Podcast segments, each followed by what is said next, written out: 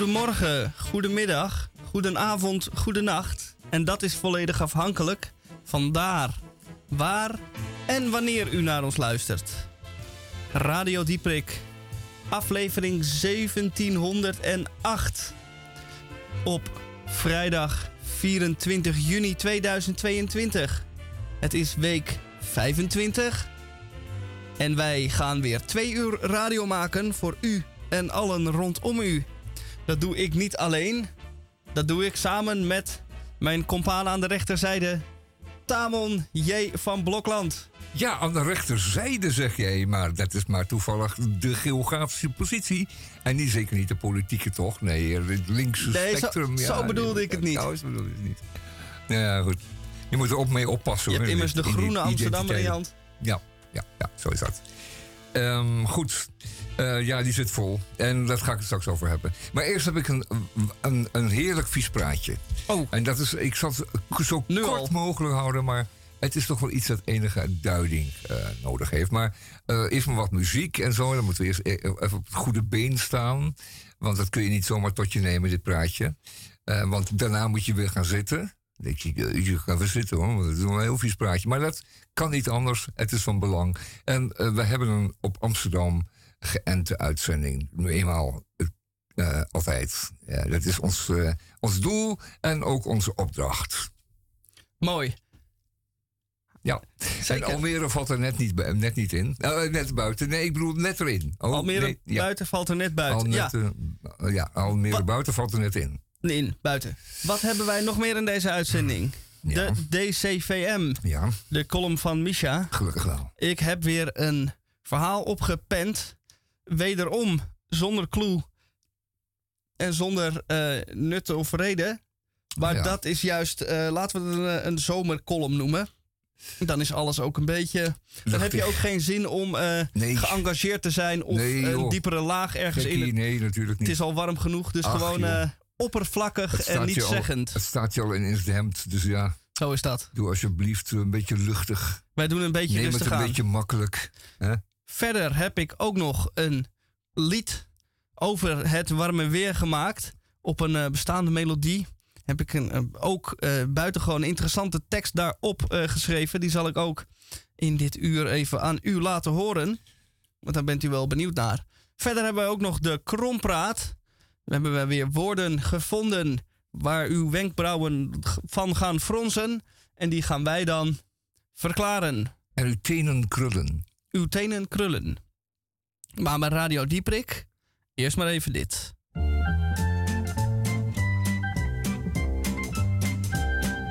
Niemand ter aarde weet hoe het eigenlijk begon. Het droevige verhaal van de nozem en de non. Van de nozem en de non. Vroeg in het voorjaar ontmoetten ze elkaar. Hij keek in haar ogen en toen was de liefde daar.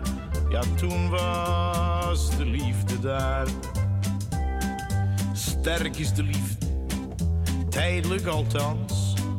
De non vergat haar plichten en zelfs haar rozenkrans. Ze vergat haar rozenkrans. Zonnebril en zijn nauwe pantalon verwekte onze nozem de hartstocht van de non. Ja, de hartstocht van de non.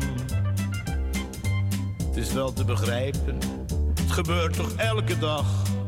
De nozem was verloren toen hij in haar ogen zag. Toen hij in haar ogen zag. Ze liepen in het plantsoen, in de prille lentezon. En kussen bij de vleet kreeg de nozem van de non. Kreeg de nozem van de non.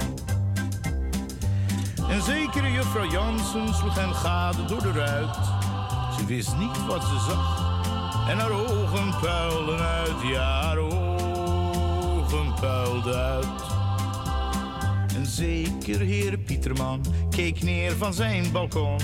Hij keek stom verbaasd naar de reacties van de non. De reacties van de non. Leven de liefde, zei Pieterman galant.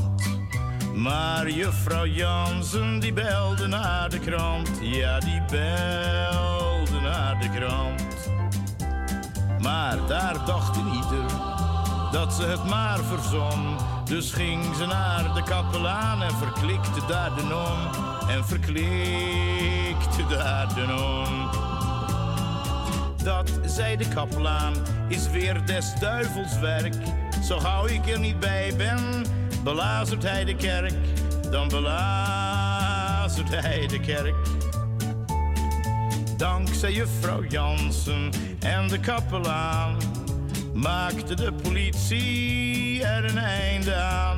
Ja, er kwam een einde aan. Want ze liepen namelijk zomaar op het gras. En de politie zei dat dat verboden was, dat het gras verboden was.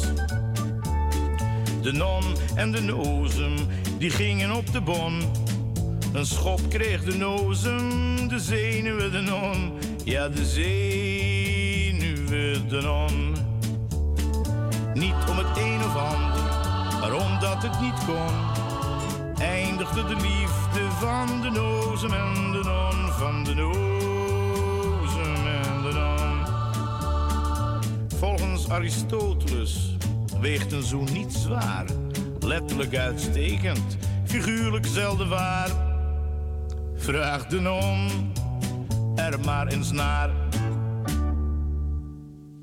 Cornelis Vreeswijk. We hebben hem wel uh, vaker gedraaid. We hadden een periode zelfs waar we hem vaak draaiden. Extra aandacht overigens ook nog voor het uh, orgeltje. Eenvoudig, doch voedzaam. Ja, uh, echt uiterst effectief. Dat piepen, piepende dingetje. Op de achter. Ja, als je dat melodietje maar een beetje vasthoudt, dan is het genoeg, hè? Precies. En dan weet hij ook wanneer je moet invallen. Dat is wel ook wel handig.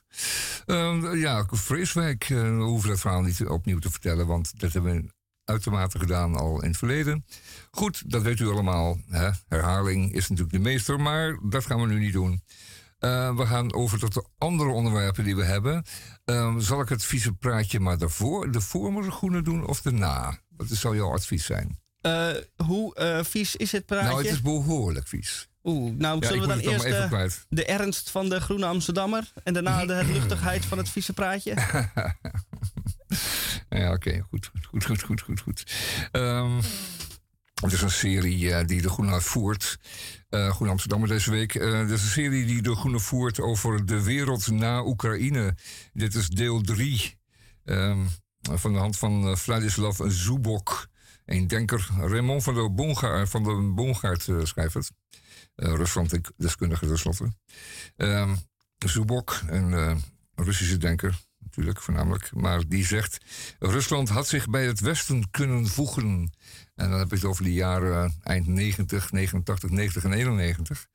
Waarbij Moskou dus als het ware de Sovjet achter zich liet en open stond voor iets nieuws. Maar dat is niet geworden door de krachten die reeds aanwezig waren. En uh, dat verhaal, dat leest u in de Groene Amsterdammer. Ik ga er nu niet over beginnen, omdat ik het, omdat ik het eigenlijk niet mijn taak vind om daar iets over te zeggen. Of om het zelfs maar te citeren. U moet het zelf lezen. Naast al het andere wat u leest over uh, de Oekraïne en, en Rusland, is het uh, langzamerhand een heel uh, dikke roman geworden.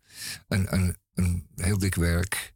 En u bent zich al, u, u houdt zich al bezig met, met het mening vormen.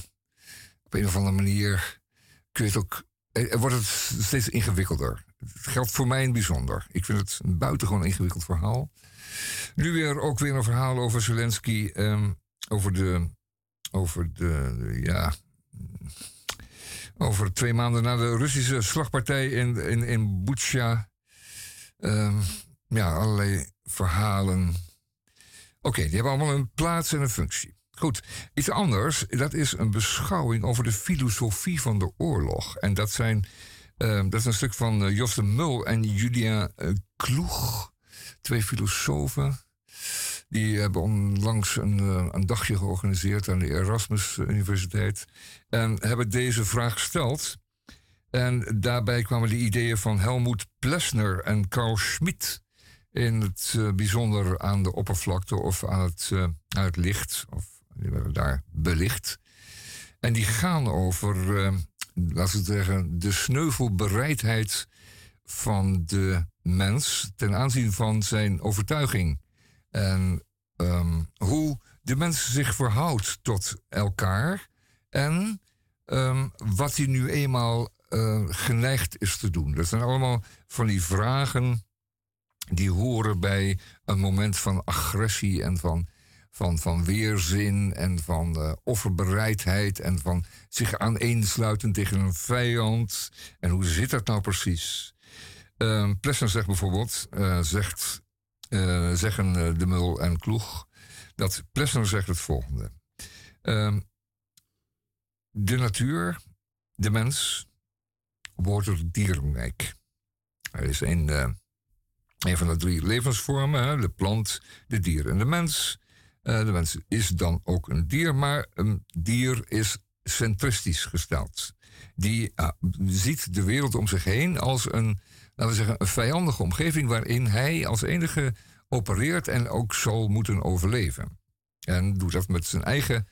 Die, die gaat er geen medewerking vragen van een ander dier. Nee, die, die, komt er zelf, die, die komt er zelf achter, die het zelf moet oplossen. Een plant heeft al helemaal geen, geen uh, fiducie in uh, medeplanten. Die zal het helemaal moet, zelf moeten opknappen. Maar een dier het moet dat ook tenslotte. Die kiest ook altijd voor zijn eigen behoud. Uitzonderingen dagen later van een moeder met jongen, maar maar dat is ook maar kort. Hè? Je kan ze ook weer gewoon achterlaten. Of op laten vreten door een uh, mannelijke partner, whatever. Maar goed, de mens heeft te maken met andere mensen. Dus die zal tegelijk centristisch zijn. En zal ook excentrisch positie in moeten nemen. Centristisch omdat hij voor zichzelf moet zorgen, maar ook excentrisch. Uh, excentrisch omdat hij uh, dat alleen maar kan in samenwerking met de ander. In een omgeving waarbij andere mensen hun ook hun centrisme moeten opgeven om gezamenlijk, in een gezamenlijkheid uh, uh, te leven. En gezamenlijk te zorgen voor, een, voor, een, voor een veiligheid. En zich goed voelen bij het benoemen van de vijand om een, laten we zeggen, zich te weer te kunnen stellen tegen die andere laten we zeggen, centristisch opererende eenheid, die andere mens. En dat is, zegt hij, het dilemma. Dat is nu eenmaal het tekort ook. Um, het is een bijzonder aardig stuk wat ik, uh, wat ik hier lees in de Groen Amsterdammer. Het is een essay. Gaat wat verder, de long read. Um, nou, en ik moet zeggen, leest u dat nou eens gewoon. En misschien moet u het wel twee keer lezen. Dat is typisch zo'n stuk in de Groen Amsterdammer waarvan u zegt, nou, dat dat pak ik straks nog een keer. Uh, het gaat over dat uh, eigenlijk alles daardoor ook politiek is. Um, politiek is altijd een ex exercitie in centristische frontaliteit, wordt er gezegd. Um, wie principieel afziet van geweld, kan niets afdwingen. Waardoor zelfs de meest rechtvaardige idealen krachteloos blijven pogingen om de centrisch-excentrische spanning, die zegt hij, die bestaat nu eenmaal, die centrisch-excentrische spanning, te elimineren door onze centrische impulsen ruim baan te geven en de vijand te vernietigen, eindigen echter doorgaans in de catastrofe. Dat is, dat is uh, bewezen. Dat hebben we gezien. Het zou van wijsheid getuigen, te midden van al het centrisch geweld, de excentrische benadering meer ruimte te geven en daarmee de spanning tussen onze centrische en excentrische natuur en daarmee onze menselijkheid te behouden. En dat biedt ruimte voor diplomatie en onderhandelingen. Marchanderen, compromissen, uh, is niet eenvoudig, doet pijn vaak. Onmiskenbaar is evenwel dat terwijl men inzet op de totale vernietiging van de vijand, en daarmee zegt hij, belangrijk, daarmee onvermijdelijk ook een gedeeltelijke vernietiging van onszelf. Onderhandelen is de enige manier om een oorlog te beëindigen. Ontvijanden van de vijand is het moeilijkste, maar ook de meest heroïsche daad. En ja, dat zijn dan filosofen die dat zeggen. En die hebben ongetwijfeld altijd gelijk. Maar de mens is natuurlijk ook gewoon een, een, een gevoelsdier. Die wordt overmand door, door emoties. En die wil uh, per se dat. En, uh, sluit zich aan één om zich uh, om, om zich veilig te kunnen voelen met elkaar en, en, die, en die creëren een idee of een, of een construct, zoals het ook genoemd wordt, om maar die veiligheid te verwerven door het totaal uh, vernietigen van de vijand. En uh, er staat hier van oudsher beloven religies de mens een dergelijk huis te verschaffen. Maar in moderne, seculiere samenlevingen hebben politieke ideologieën die rol in toenemende mate overgenomen. De hoop op een thuis is volgens Plessner genoemd altijd utopisch te blijven. Um, het menselijk leven, volgens Plessner dan, uh, vanwege de excentriciteit kunstmatig van nature. Daarom, daardoor, zegt hij, daardoor vertoont de menselijke cultuur, inclusief politiek, een bonte verscheidenheid en blijft de mens een open vraag. Macht en politiek. Er is politiek tussen man en vrouw, meesters en bedienden, leraren en leerlingen, artsen en patiënten. Oké. Dus. Um, het is weer niet zo eenduidig als u dacht dat het was. Er is geen echt goed en kwaad. Want het, het, het huist ook in die ander. We moeten altijd naar die ander toe om onze, onszelf te zien. Door de ogen van die ander ook. We moeten excentrisch zijn. Terwijl we geneigd zijn om centrisch te zijn. En dat is in vele, in vele filosofieën, vele levensopvattingen, vele ja, uh, levenshoudingen nu eenmaal de grondtoon. Um, goed verhaal. Leest u dat in de Groene Amsterdammer van deze week? Nou, um, dan uh, gaat het natuurlijk ook over cultuur en de Groene Amsterdammer. Hè, en over uh, bouwen en bouwen. Over, over de Nederlandse politiek, altijd grappig. Want we hebben natuurlijk uitgebreid gehad over stikstof en over methaan. En nu komt het inderdaad tot een, een culminatie van al deze problemen. Uh, we hebben weer boeren op de snelweg. Met levensgrote tractoren. Die uh, allemaal 2,5 ton kosten, zoals u weet. Uh, we zien uh, zeer goed florerende boerenbedrijven met duizenden dieren. En die maken groot bezwaar tegen het afnemen van hun welstand en hun voorspoed. Ehm, we zien hongerige hongerige hoe heet het, grondopkopers, projectontwikkelaars die daar weer op azen. En we zien, uh, en we zien mensen die de natuur hoog achten. Die zeggen: Het zou het mooi zijn als het allemaal weer terugkwam naar. Uh, allemaal weer teruggebouwd kon worden naar echte natuur. Zodat wij ervan kunnen genieten. En het is een mooi verhaal over VVD, VVD, en CDA, wat er weer prima in past. Want die zijn niet alleen maar de lobbyisten voor voor, het agrarisch, voor agrarisch Nederland. Maar die zijn ook uh, lobbyisten voor Bouwen Nederland. En wat blijkt dan? Dat er uh, vier uh, gewilde plekken zijn, vier plekken zijn in Nederland die elke keer terugkomen in het debat. En ehm, daar hebben grote projectontwikkelaars, bouwers, hebben daar grote grondposities in genomen. Dat zeggen dat ze heel veel grond bezitten, die nu nog agrarische grond is. En die dus op een, op, voor lage prijs zijn verworven. Maar du moment dat daar uh, bouwvergunningen worden afgegeven voor die grond, stijgt die prijs als een komeet. En zijn die uh, ontwikkelaars uh, rijker dan ze reeds waren. En daar hebben we het echt over Rabobank. En we hebben het over uh, Heijemans, de bouwmaatschappij en zo. Dat, moet u goed, goed altijd in de gaten houden wie, waar. follow the money, zeggen ze. Zoek, eh, volg het geld. Daar waar het terecht zal komen, daar liggen ook de belangen. Enfin, de Groene Amsterdammer is natuurlijk altijd alert op, op besodemieterij. En,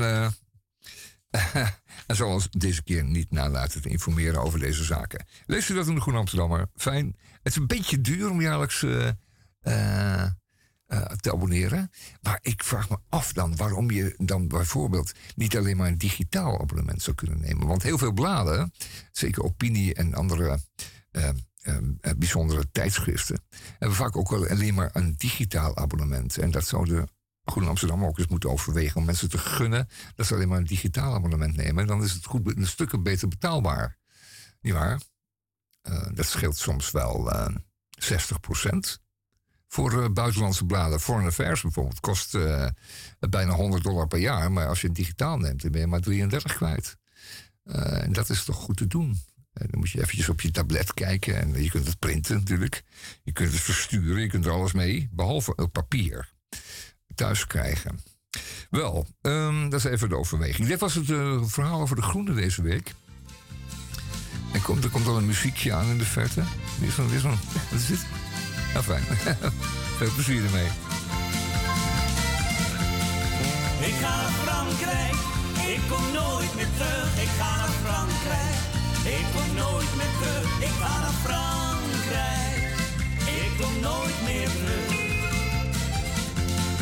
Nog drie minuten, dan gaat mijn trein, dan hoef ik hier ook nooit meer te zijn. Want als ik hier blijf, houd jij me aan de lijn. Utrecht, Atrecht, Kamerijk, Levelingen, Rijssel, Sjaloos, Roosbeek, Loteringen, Deukjes, Kloosjaar, Pan, Rotterdam, Net, Vlambaar, Pan, Hout, Krebs, Godverlet, Rockfort, Pate, Kikkerbril, Ganslever, Petje, Snor en dat eeuwige gezever. Frankrijk! Nou weet ik heel dat je Frankrijk haat en daar dus ook nooit op vakantie gaat. Ja, zelfs in Brussel, word jij al vreselijk kwaad. Ik zelf in Frankrijk, ook niet je dag, maar ja, ik ga toch. Want je moet toch wat, nee, daar stokbrood. En men gaat nooit in bad. Ik ga naar Frankrijk ik kom nooit meer terug, ik ga naar Frankrijk. Ik kom nooit meer terug, ik ga naar Frankrijk. Ik kom nooit meer terug. Utrecht, Avrecht, Kamerijk, Wevelingen, Rijssel, Sjaloos, Rozenbeek, Loteringen, Deukjes, Kloosja, Wandelen, de Mensen, de Vlam, maar Panna, Krepsen, de Fort, Verlet, Rockfort, Pate, Kikkerpil, Ganslever, Petjes, en het eeuwige gezever. Ik wil je nooit, nooit, nooit, nooit, nooit meer zien. Nou ja, een tijd niet. Nou, volgend jaar misschien. Nou ja, wat minder. Zo zeg een dag of tien. Ik ga naar Frankrijk. Ik kom nooit meer terug. Ik ga naar Frankrijk. Ik kom nooit meer terug. Ik ga naar Frankrijk. Ik kom nooit meer terug. Frankrijk, het land van de vieze praatjes. En dat uh, treft, want wij hebben hier ook een vies praatje. Jazeker, nou en of. Uh, het is namelijk zo gesteld. In deze stad Um, er zijn een aantal trends merkbaar die elkaar als het ware in de weg zitten, zoals altijd. Uh, u weet dat, uh, dat uh, er wordt heel, heel veel geld verdiend. En het mag ook wel een Hollandse neiging om overal centen te verdienen aan toerisme. De stad is heel erg beroemd en gewild en berucht in, de wereld. En dat, dat trekt miljoenen toeristen. En ze zodanig zelfs dat er een plafond gesteld is aan het aantal mensen dat hier dan jaarlijks van de stad mag komen genieten op een of andere manier. Hoe men dat doet, is men, nou, is men nog niet duidelijk, maar het plafond is gesteld en dan hebben ze een soort streefgetal. Juist. Oké, misschien gaat het nog lukken ook. Uh, nu 18, straks 23 miljoen mensen. Hè, moet nagaan. De gehele bevolking van Nederland en dan twee keer die nu bij ons door de stad loopt met de mond open. En, uh, of daar mond de mond dicht, maar dan met een joint ertussen. Enfin, uh, wat wordt er dus gedaan? Die, stad van ons, net zoals andere wereldsteden, een must om te bezoeken. En dat geldt dan voor elke wereldburger. Dus die heeft een lijstje. En daar staat op, er staan een aantal namen op. En daar is Amsterdam maar één van. Uh, die worden dan opgenomen in een pakketreis bijvoorbeeld, die heel Europa betreft. En op zodanige manier wordt Amsterdam aangedaan in een, in een soort Trix Express Märklin-achtige tour door Europa. Waar alles eventjes wordt aangedaan en alles even bezocht. De highlights worden even bezocht. Alles wordt er langs gegezeld. Uh, is het niet de Dom van Milaan? Nou goed, u kent alle voorbeelden wel. Het torentje van Pisa. En uh, gaat u nog zo even door. En dan hebben ze het alles weer gehad en zijn ze overal geweest. Kunnen ze dat afstrepen. Amsterdam is er dus ook één van geworden. Met als gevolg dat hier uh, duizenden, zo niet tienduizenden, zo niet honderdduizenden mensen door de stad worden gejaagd door vaak buitenlandse reisorganisaties die, ehm, die het, uh, het uh, vee, het toeristenvee aanvoert in uh, touringkarren.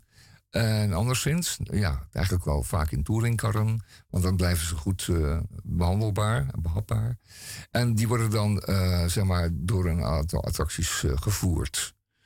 Um, en, die, en, die, en daarvan wordt het reisschema op afstand bepaald. En men heeft dan uh, precies het idee van de, die reis tussen die steden duurt zoveel minuten. Daar is, blijft zoveel minuten voor over voor die stad. Uh, kortom, om het verhaal, een lang verhaal kort te maken. Ook Amsterdam wordt zo aangedaan. Um, mensen worden dus in een touringcar over de snelweg naar Amsterdam vervoerd. Maar daar past bijvoorbeeld in dat men het volkje in uh, Dresden voert. Uh, dan in uh, Frankfurt nog een keer van koffie voorziet. Ook in de voorgeschreven 7,5 minuut. En dan bereikt men op een uur U Amsterdam, waar daar zoveel minuten voor zijn. Nou, wat gebeurt er? Volle touringkarren met mensen uit het oosten, bijvoorbeeld, ik noem maar een voorbeeld hoor, uit, uh, weet ik veel, India, uh, nog verder, uh, Filipijnen, China. Volle touringkallen worden op die manier naar Amsterdam vervoerd.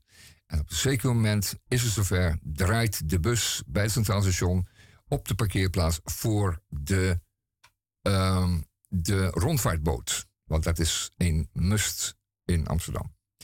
Die mensen worden de, die hebben te eten gehad onderweg. En uh, wie weet waar ze nog meer hebben gegeten en waar ze vandaan komen. Misschien komen ze vanuit het vliegtuig. Vaak komen ze bijvoorbeeld, uh, zijn ze geland in Polen met een goedkope vlucht van, uh, van Bombay naar Warschau. En, en worden dan meteen een touringcar al gepropt en gaan naar Amsterdam waard. En um, worden daar in rondvaartboten geduwd. geduwd, althans geholpen. Uh, jong, oud, zeer oude omaatjes. Ik zie, ik zie van alles daarin in verdwijnen en er ook weer uitkomen uiteindelijk. Maar die mensen zijn met een touringcar hier toegekomen, hebben ondertussen gegeten onderweg. En gaan die rondvaartboten in. En wat denk je dat er gebeurt na 10, 15 minuten? Dan uh, moeten ze naar de wc. En ze moeten voornamelijk schijten, want dat kan niet in een bus. Dus we hebben het over honderdduizenden toeristen die van verre worden aangevoerd, die elders hebben gegeten, in vliegtuigen of onderweg, speciaal daartoe ingerichte wegrestaurants. Want die mensen eten vaak alleen maar hun eigen hapje. die lusten niet het lokale voer. Die krijgen speciaal in hotels en restaurants krijgen voedsel. En die komen dan eindelijk in Amsterdam ergens zitten. Waar in een voertuig waar enige tijd is om uh, te ontspannen. Nou, wat er dan ook ontspant, dat zijn de ingewanden. En die moeten worden verlost van hun inhoud. En dat kan in Amsterdam in de rondvaartboot. Heel veel grote rondvaartboten hebben een toilet aan boord. Met als gevolg dat honderdduizenden toeristen van elders, met elders gevulde darmen, zich ontlasten in uh, Amsterdamse rondvaartboten. Nou is een plasje nog niet zo erg, maar dat hebben ze al lang gedaan in de bus, want het kan daar. Maar echt gaan, lekker gaan zitten schijten, kan je natuurlijk alleen maar in een rondvaartboot doen. Dan heb je de tijd en de plek. Met als gevolg dat de tanks van die rondvaartboten, dat heb ik, me alle, dat heb ik allemaal nagezocht en nagevraagd aan de kapiteins en aan mensen die, dat, die die wereld kennen. Zitten die tanks van die rondvaartboten helemaal propvol met uh, poep van uh, al die toeristen. Echter, er is geen enkele verordening in Amsterdam die zegt dat deze inhoud moet worden geloosd in een daartoe bestemd zoals op een camping, daartoe bestemde tank. Doen die rondvaartkapiteins, die trekken aan een grote hendel, of die duwen op een knopje, en die tank, propvol met exotische, uh, laten we noemen, mensenstront, die ontlast zich in een Amsterdamse gracht of in het ei, waar die net vaart. Liefst in het ei, want dat is een beetje buiten zicht van de, van de autoriteiten. En daar uh, drijft een grote dikke bruine wolk uh, uh, het water in. En die belast, ontlast, belast de Amsterdamse waterkwaliteit. Wat een. eh, eh, wat een eh, En, dat is, en, en de hoeveelheden, nog eventjes om het af te ronden. De hoeveelheden, rekent u zelf even mee op de achterkant van een eh. Eh, de, de, de, de hoeveelheden verhouden zich niet tot wat een illegale eh, eh, eh, het, woonboot in het verleden op het water loosde. Dat poepje per dag. Hè, het is van een die tientallen veelvoud daarvan. Ach, een onvoorstelbare veelvoud. Als u denkt dat u in het heerlijke, lauwe grachtwater kunt zwemmen, ehm, of varen, Bedenkt u dan. of kajakken in mijn geval, bedenkt u dat nog een keer. Bedenkt u dat twee keer. Mag er een muziekje onder? Want eh, Nou, we krijgen dus eh, een eh, souvenir terug van al die toeristen eigenlijk. nou, ja, eigenlijk wel. Want ze komen hier gewoon eigenlijk kijken en schijten. Ja. Daar komt het een klein beetje op neer. Als, hier, als, als, de, als de politiek hier niet op gaat reageren, dan gaan we, ja, dan gaan we het hoger opzoeken. Verderop, want het is, het is werkelijk een schandaal. Het is een groot schandaal. Dit is eh, eh, met Dit recht zijn exotische darmen die zich legen in Amsterdam. Honderden, vouw- duizendenvoudig, tienduizendvoudig. Nou, dit was Ja.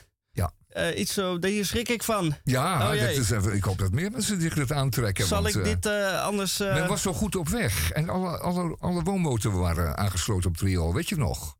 Ja, Dat is een verplichting tot en met geworden. en dat. nou ja, nou hebben ze weer wat anders bedacht om de, de grachten te, de, te dempen met.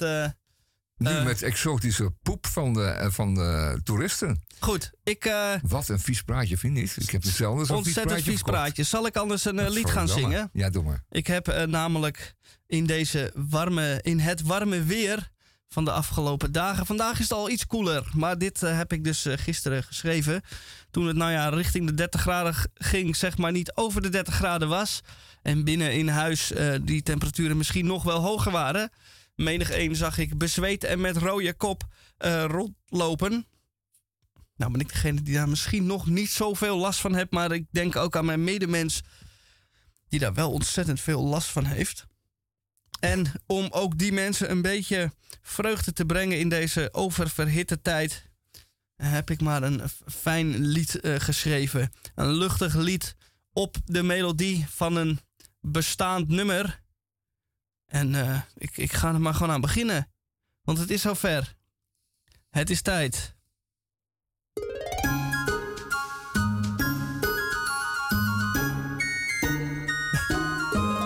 Oh, the weather outside is frightful, maar the airco is so delightful. And since there's no place to go, let it blow, let the air conditioning blow. Ik kijk door de ruiten en ik zie de mussen doodvallen van het dak buiten. En wij binnen kijken naar een film van Marilyn Monroe. In de airco, in de airco, in de airco. Als dan eindelijk de zon ondergaat en wij buiten gaan een blokje om. Denken wij na 100 meter stappen. Jeetje mina, het is nog steeds very warm. Dus hup maar weer gauw naar binnen. Want die warmte, daar heb ik geen zin in. Dus op de bank met een boek van Edgar Allan Poe. In de airco, in de airco, in de airco. Heb jij het ook zo warm? Ja, nou, god, wat is het warm zeg. Maar het is hier ook anders warm, hè, in Nederland. Ja, door de vochtigheid. Ja, nou, succes met slapen gaan, hè. Ja, jij ook. En als wij dan slapen gaan, zonder dekens dan wel te verstaan, dan voel ik een hoop verdriet. Want de airco bereikt ons hier niet. Dus maar weer terug naar de woonkamer. En ik zie mijn poster van Sven Kramer. En op een yogamatje naast mijn bureau lig ik in de airco, de airco, de airco. Ja, de airco, de airco, de airco. Lang leven de airco.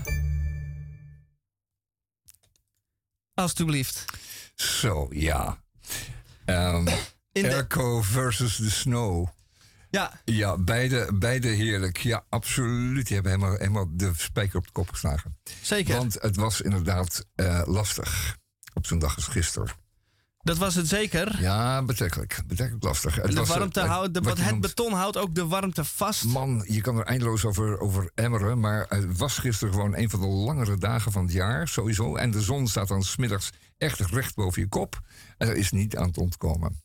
En het ziet er ook uit dan. Het wordt helemaal heilig van vocht en van de hitte. En zo.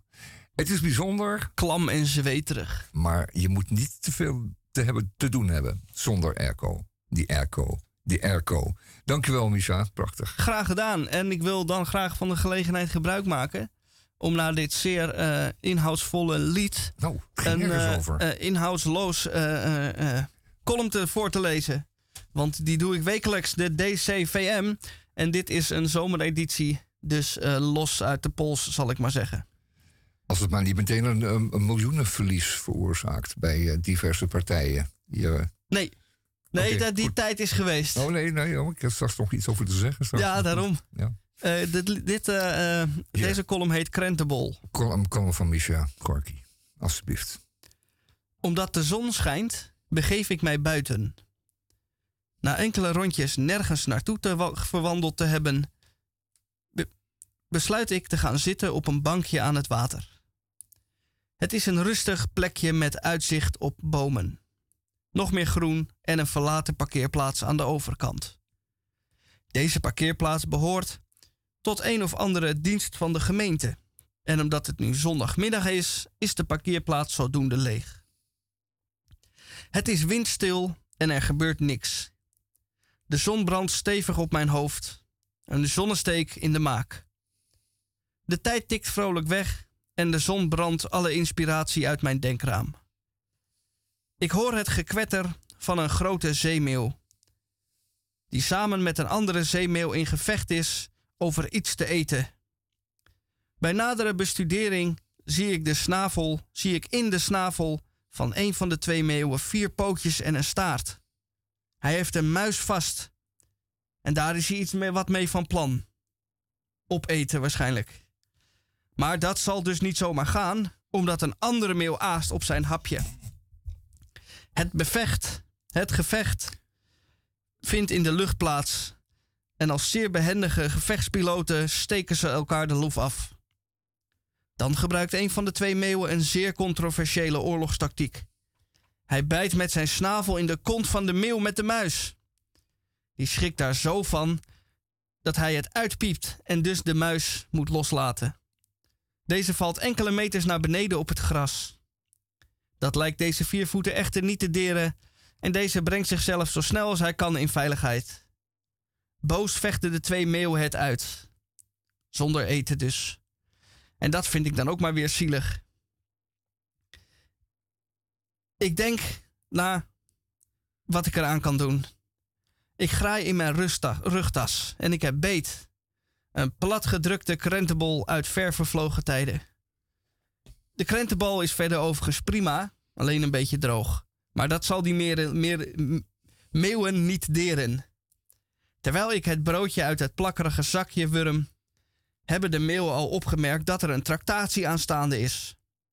Ze landen voor mij op het grasveld en stappen hysterisch en intimiderend op mij af. Omdat ik mij niet laat intimideren, stel ik het gooien van het brood nog even uit. De meeuwen zijn nu al aan het vechten, terwijl er nog niks te vechten valt. Ik gooi, na nog enig aarzelen, dan eindelijk het eerste stukje krentenbol. En dan gaat het los. De beide meeuwen vliegen erop af. Er wordt een hoop geschreeuwd en gevochten. Beide vogels spreiden hun vleugels voor extra intimidatie. Bij ieder stukje brood dat ik gooi wordt het gevecht heviger en het lawaai harder. Een duif, die ook wel geïnteresseerd is in krentenbol, kijkt van een afstandje naar de vechtende kampmeeuwen en laat het daar verder bij. Ik denk dat hij er verstandig aan doet zich er niet mee te bemoeien. Mijn krentenbol is op en dus besluit ik ook maar te vertrekken. De meeuwen blijven nog steeds vechten. En zo is er weer een dag voorbij. Een verhaal geschreven zonder clue. Música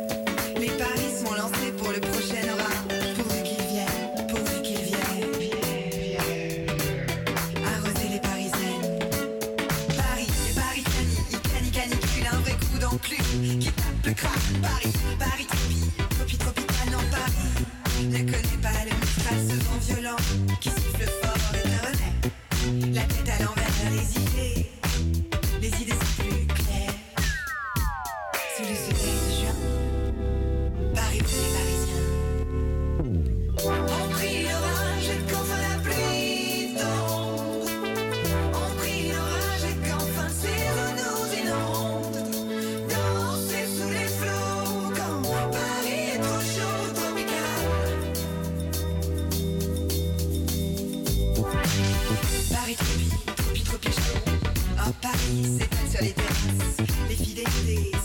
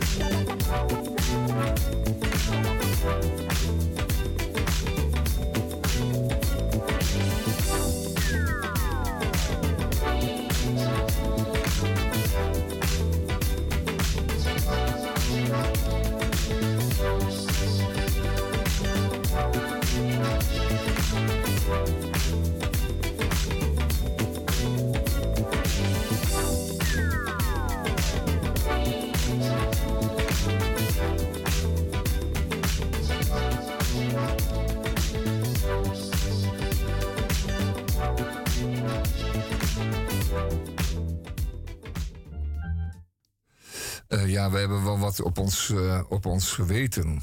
Je zou kunnen zeggen op ons konto, maar ja, dat niet op de borst kloppen, dat moet u doen. Maar op ons geweten. En het is het volgende. Misha heeft in de afgelopen maanden, en de afgelopen maand zou je kunnen zeggen, uh, driemaal een column gewijd of een verslag gewijd van een bezoek dat hij maakte ooit, in deze tijd, aan de Floriade in Almere.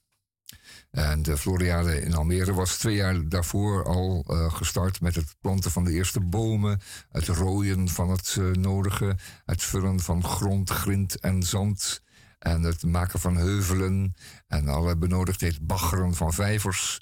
En uh, kortom, ze waren al een tijd lang bezig uh, maar uh, de, de, de, medewerkers van de Floriade zagen het zelf niet zo. En de politiek van Almere was ook zo-zo.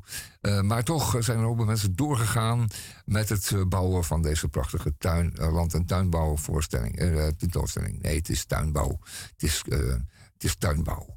Um, afijn. Het ging met veel fanfare open. ik geloof dat er een royal bij was. Of was het uh, Beatrix of misschien Alexander of iemand? Volgens mij Alexander. Ja, nou goed, het is netjes geopend, lintje geknipt. En er is uh, vrolijk uh, gesproken over de toekomst. En er zouden 2 miljoen bezoekers komen gedurende de tijd dat het open zou zijn. Nu zijn ze twee maanden open. En wat denk je? Er hebben allemaal mensen naar de columns van Micha geluisterd. Want die dachten van ja, als, als Misha met zijn kritische geest, nou ja goed, ook maar welwillende kritische geest, daar geweest is en hij is schrijver zo teleurgesteld over. het terwijl hij echt van, uh, van zins was om dat niet te doen, om daarvan te genieten. Uh, en dan zo teleurgesteld thuiskomt dan is het voor ons toch ook niet echt een, een moeite waard om naartoe te gaan al. Want uh, wij zijn aanmerkelijk kritischer dan Misha en helemaal niet zo welwillend. Want wij willen waar voor ons geld en we betalen tenslotte, uh, als we met een gezinnetje van vier gaan, ongeveer een, een, een, maand, maandloon aan toegang, parkeren, een bootje varen en En hoe heet het? Bootje varen en schuitje varen en wat is het ook weer? Theetje drinken. Nou, ik moet eigenlijk eerlijk zeggen dat ik, dat kwam ook helemaal aan het einde van de, de derde column naar voren. Ik eigenlijk wel me er wel vermaakt heb, maar om alle verkeerde redenen.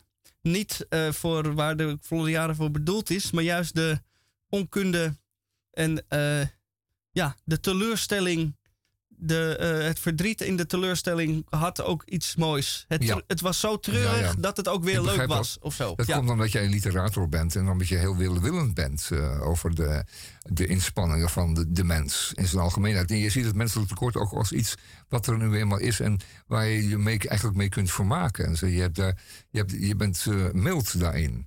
Maar als ik zo even, zoals ik zo even zei, als het een klein maandloon aan, aan alles kost om een dagje uit te zijn in de Floriade. Wil je echt waar voor je geld? Zodat mensen jubelend uit de Efteling komen. Dan een heerlijke dag gehad en dan bespottelijke sprookjes gezien en, en kleverige ijsjes gegeten. Maar kortom, het was een heerlijke dag en uh, we hebben het er nog lang over gehad. Hè? Het plezier blijft lang heugen.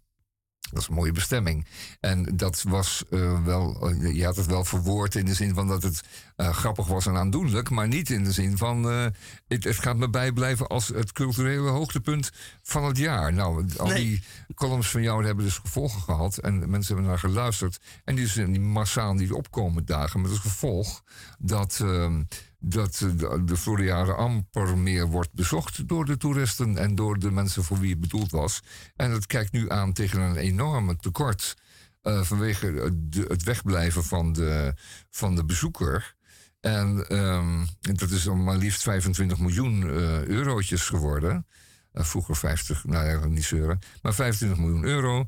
En uh, ze hadden nog wat extra uh, lage omzet uit de parkeerkosten. Hadden zich ook een beetje rijk geregeld. Van, nou komt het met die autootjes en die uh, zullen eens even lekker goed afpersen, die automobilisten. Want we vragen gewoon een, weet ik veel wat, wat kost het allemaal. En er was ook nog een keertje bijna 9 miljoen aan gederfde inkomsten op het parkeerterrein. Ik wat hebben jullie dan rijk gerekend? Wat kostte zo'n parkeerkaartje dan wel niet? Dan moeten die mensen hier helemaal naartoe rijden en dan pers je ze alsnog uh, leeg door ze een parkeerboete te geven, als het ware. Nou ja, ze hebben zich, uh, zich nogal vergalopeerd. Um, Almere had al 40 miljoen geleend aan de BV die de Floriade heeft opgezet. Um, nu moet er nog weer eens 33 miljoen bij. rekent u thuis even mee.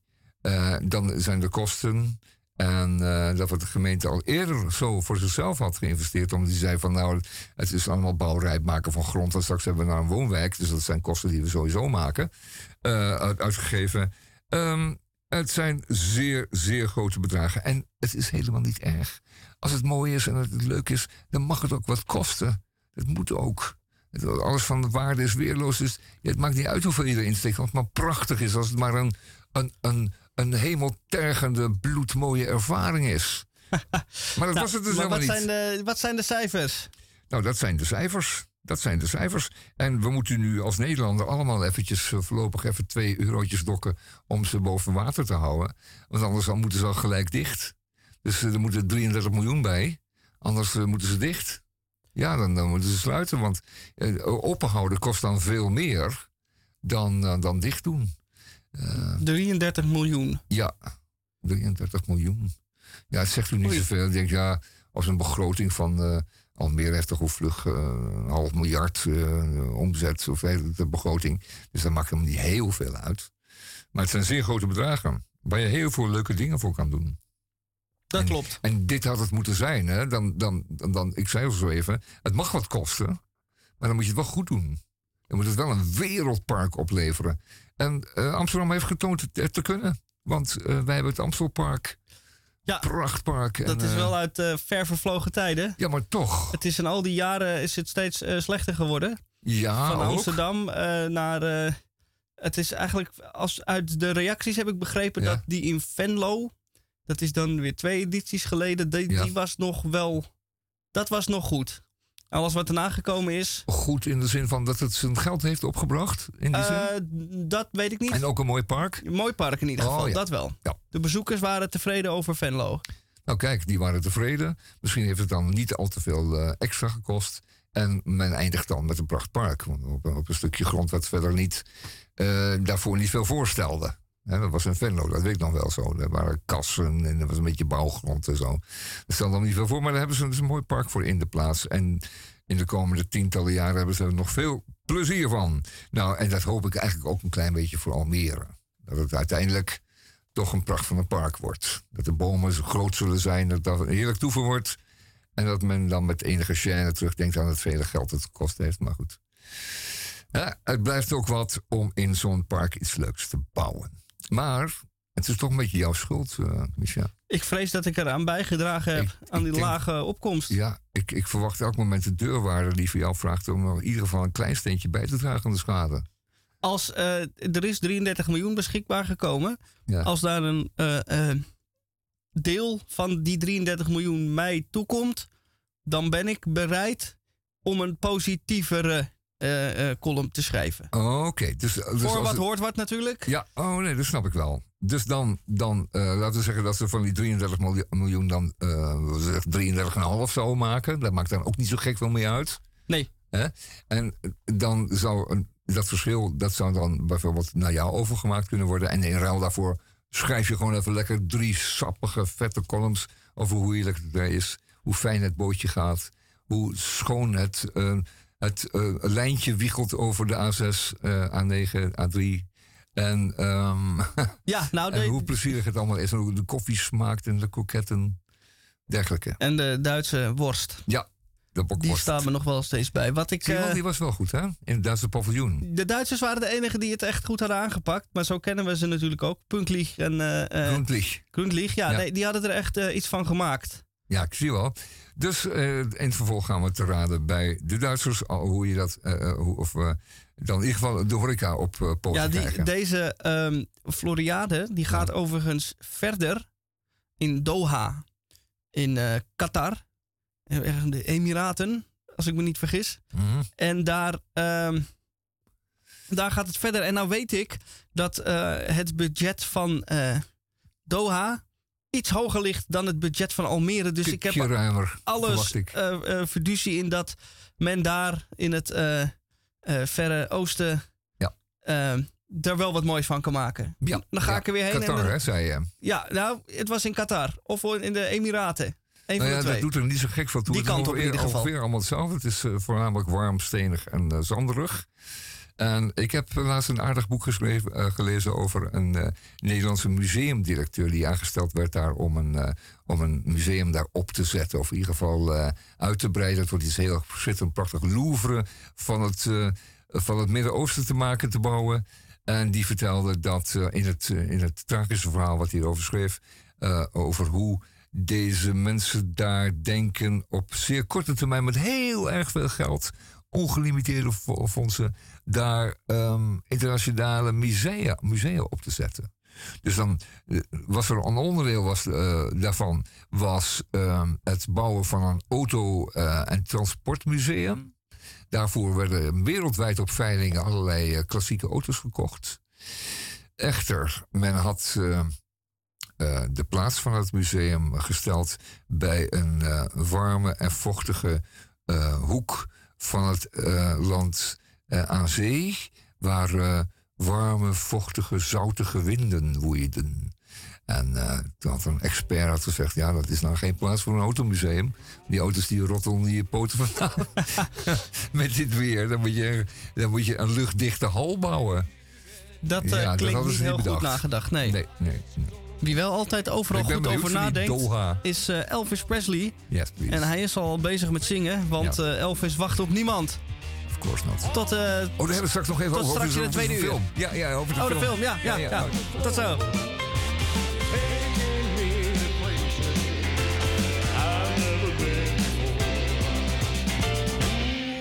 And I can feel, feel,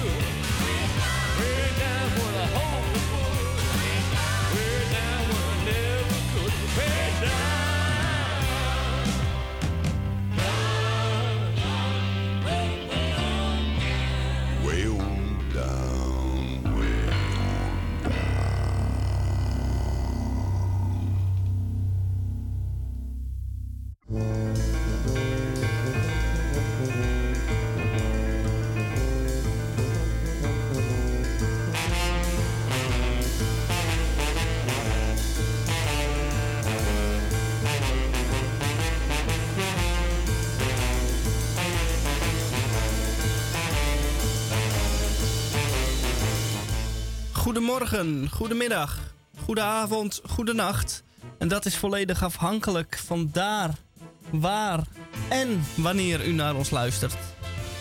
Aflevering 1708. Op vrijdag 24 juni 2022. En wat hebben wij toch al een hoop gedaan in het eerste uur. Maar we hebben ook nog van alles voor u klaarstaan in het tweede uur. Wat dacht u bijvoorbeeld van de krompraat? Twee woorden die samen één nieuw woord vormen en die dan vervolgens een verklaring nodig heeft, hebben, gehad. Enzovoort. We draaiden in het eerste uur, als opening van het eerste uur, Cornelis Vreeswijk. Meneer met de gitaar, de nozem en de non. Nou draaien we een nummer van een andere meneer met gitaar, Boudewijn de Groot. En dat nummer heet Noordzee. Dus, terwijl het intro uitdraait, zeg ik bij Radio Dieprik eerst maar even dit.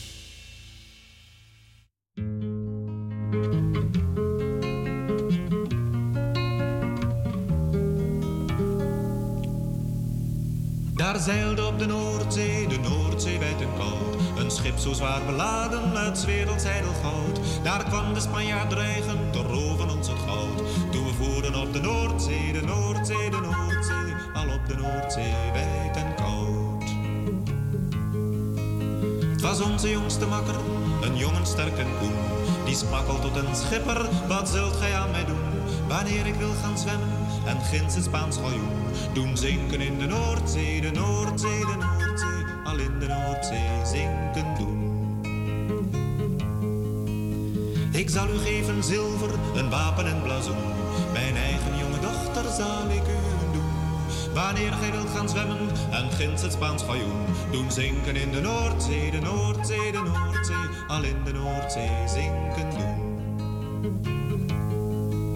De jongen bad de hemel, sprong daarop overboord. En heeft in 's vijands scheepswand drie gaten toen geboord. En van de trotse Spanjaard is nimmer meer gehoord.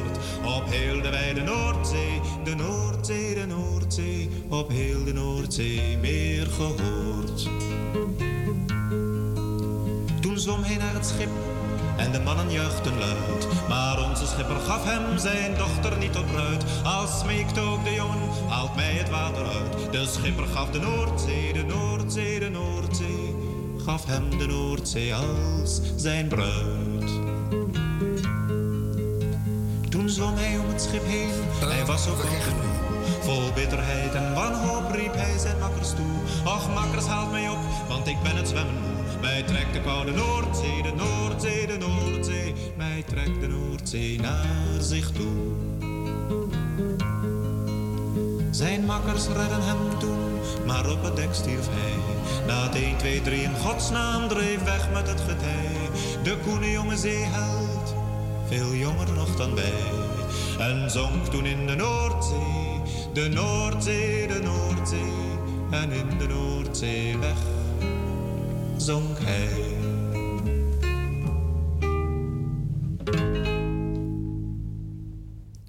In de Noordzeeweg zonk hij.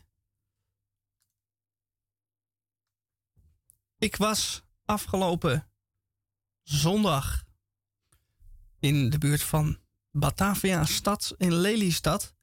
En daar eh, was de nationale Oldtimer Dag. En eh, nou had ik iets gehoord over oude autootjes, want ik was daar voor iets anders, voor iemand anders.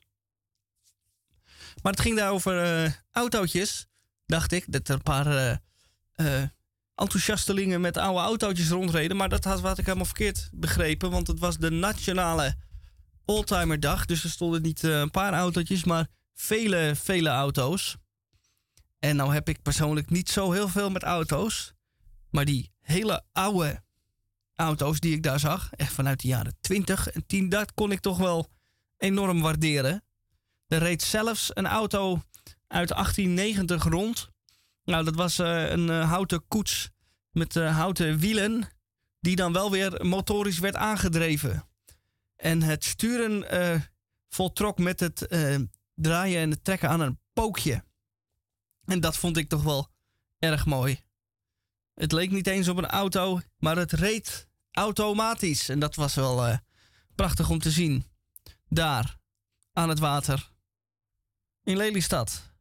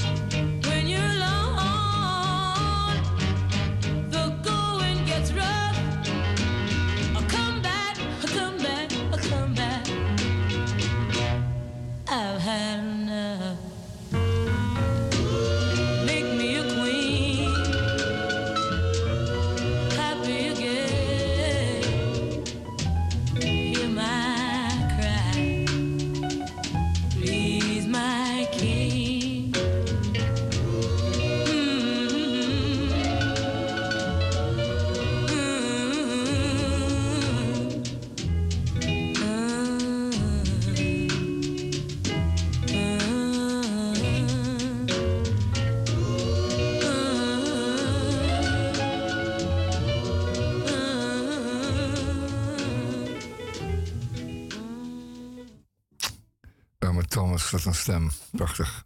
Deze was voor jou, Maria. Echt helemaal voor jou. Ehm, ooit hebben ze voor mij ook eens een verzoekplaatje gedraaid en ik was er. Eh, afijn, ik was toen 12, maar eh, toch, in ieder geval, leuk. Ruler of my heart. Irma Thomas, ik ga over met. eh, ik ga even door. Met ehm, Strawberry Letter van eh, de Brothers Johnson. Ook leuk, ook voor u misschien. Uh, afijn, we zien wel. Daar gaan wij.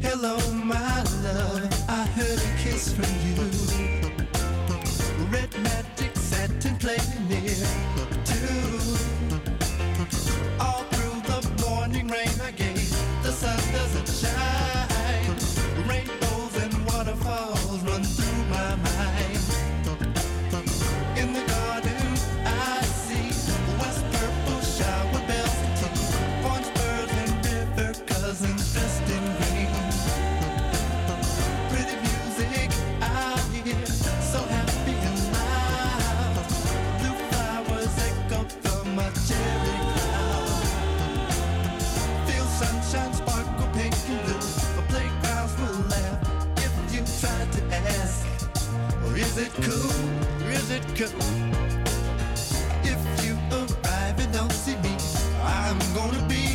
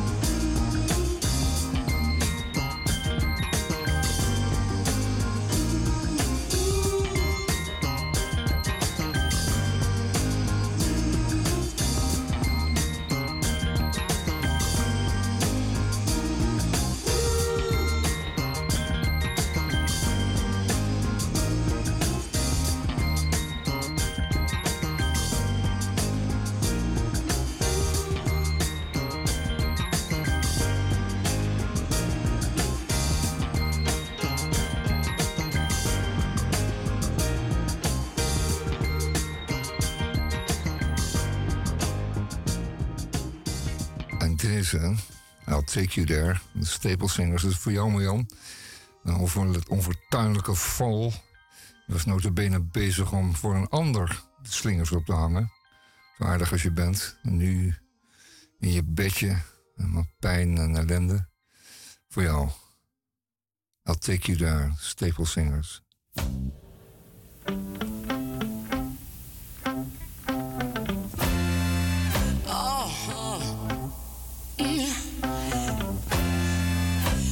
I know a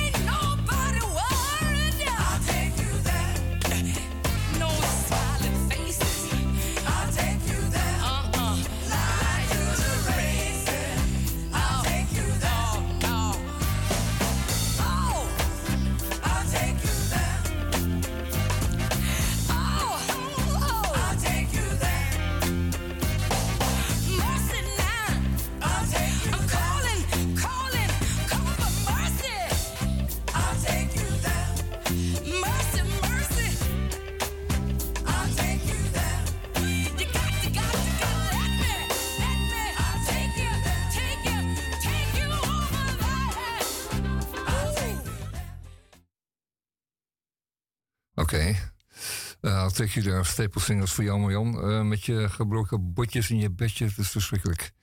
We, zijn, eh, we denken met je mee, we voelen met je mee en eh, we wensen je een spoedig herstel.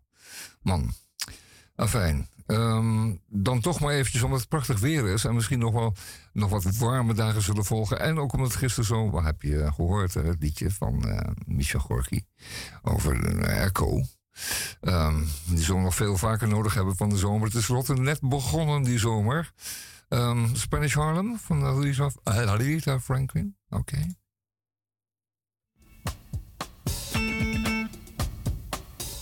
Aretha. Aretha.